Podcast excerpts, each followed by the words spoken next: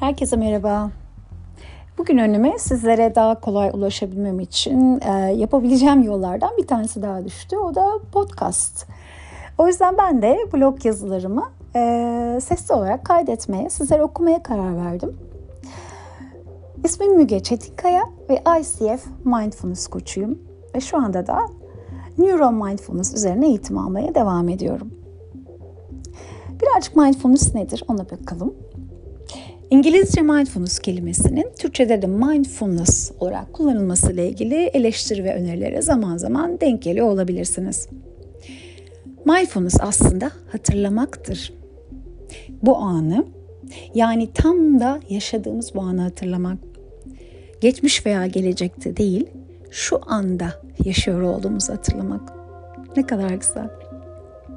Mindfulness hakkında yoga ve meditasyon tanımlarında da olduğu gibi bir bilgi kirliliği ve yanlış bilinen peşin yargılar var. Öncelikle şunu tekrar tekrar vurgulamakta ve yaymakta yarar görüyorum ve hiç bıkmıyorum.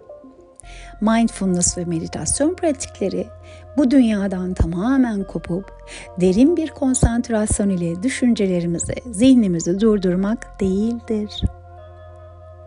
Meditasyonun Özellikle filmlerde bu şekilde karikatüre edilmesi bu yanlış inanışların nedenlerinden bir tanesi.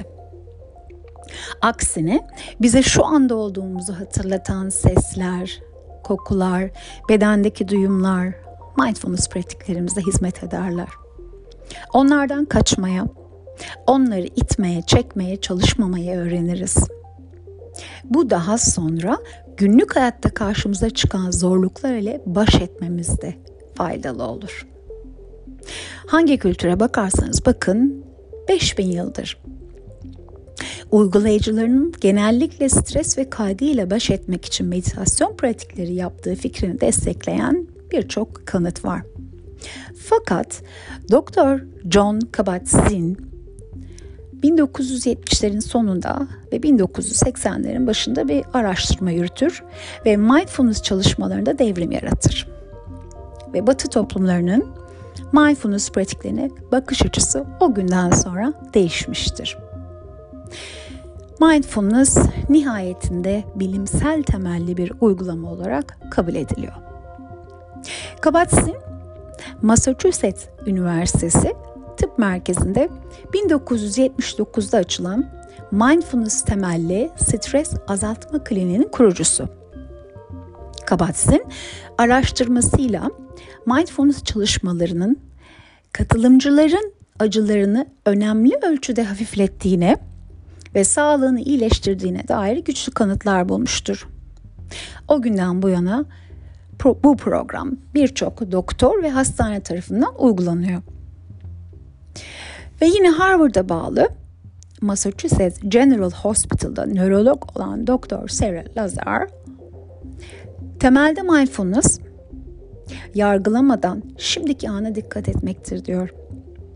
Yoga, derin nefes alma, tai chi, masaj, refleksoloji, günlük tutma ve dua gibi birçok rahatlama tekniğinin bir bileşenidir.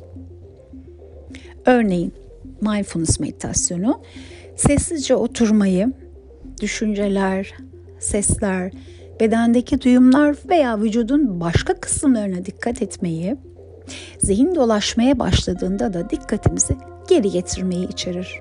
Bu kadar aslında. Ne içeriği ne de kendimizi yargılamadan arkadaşça ve şefkatle. Bunu kendimizi tanımak, anlamak ve bilgelik kazanmak için yaptığımızı da eklemek isterim. Ben yaşım mıyım? Ben mesleğim miyim? Ben düşüncelerim miyim? Ben genetik mirasım mıyım? Cevap aslında hiçbirisi. Bu podcast'ın bu bölümünü John Kabat-Zinn'in bir sözüyle bitireyim.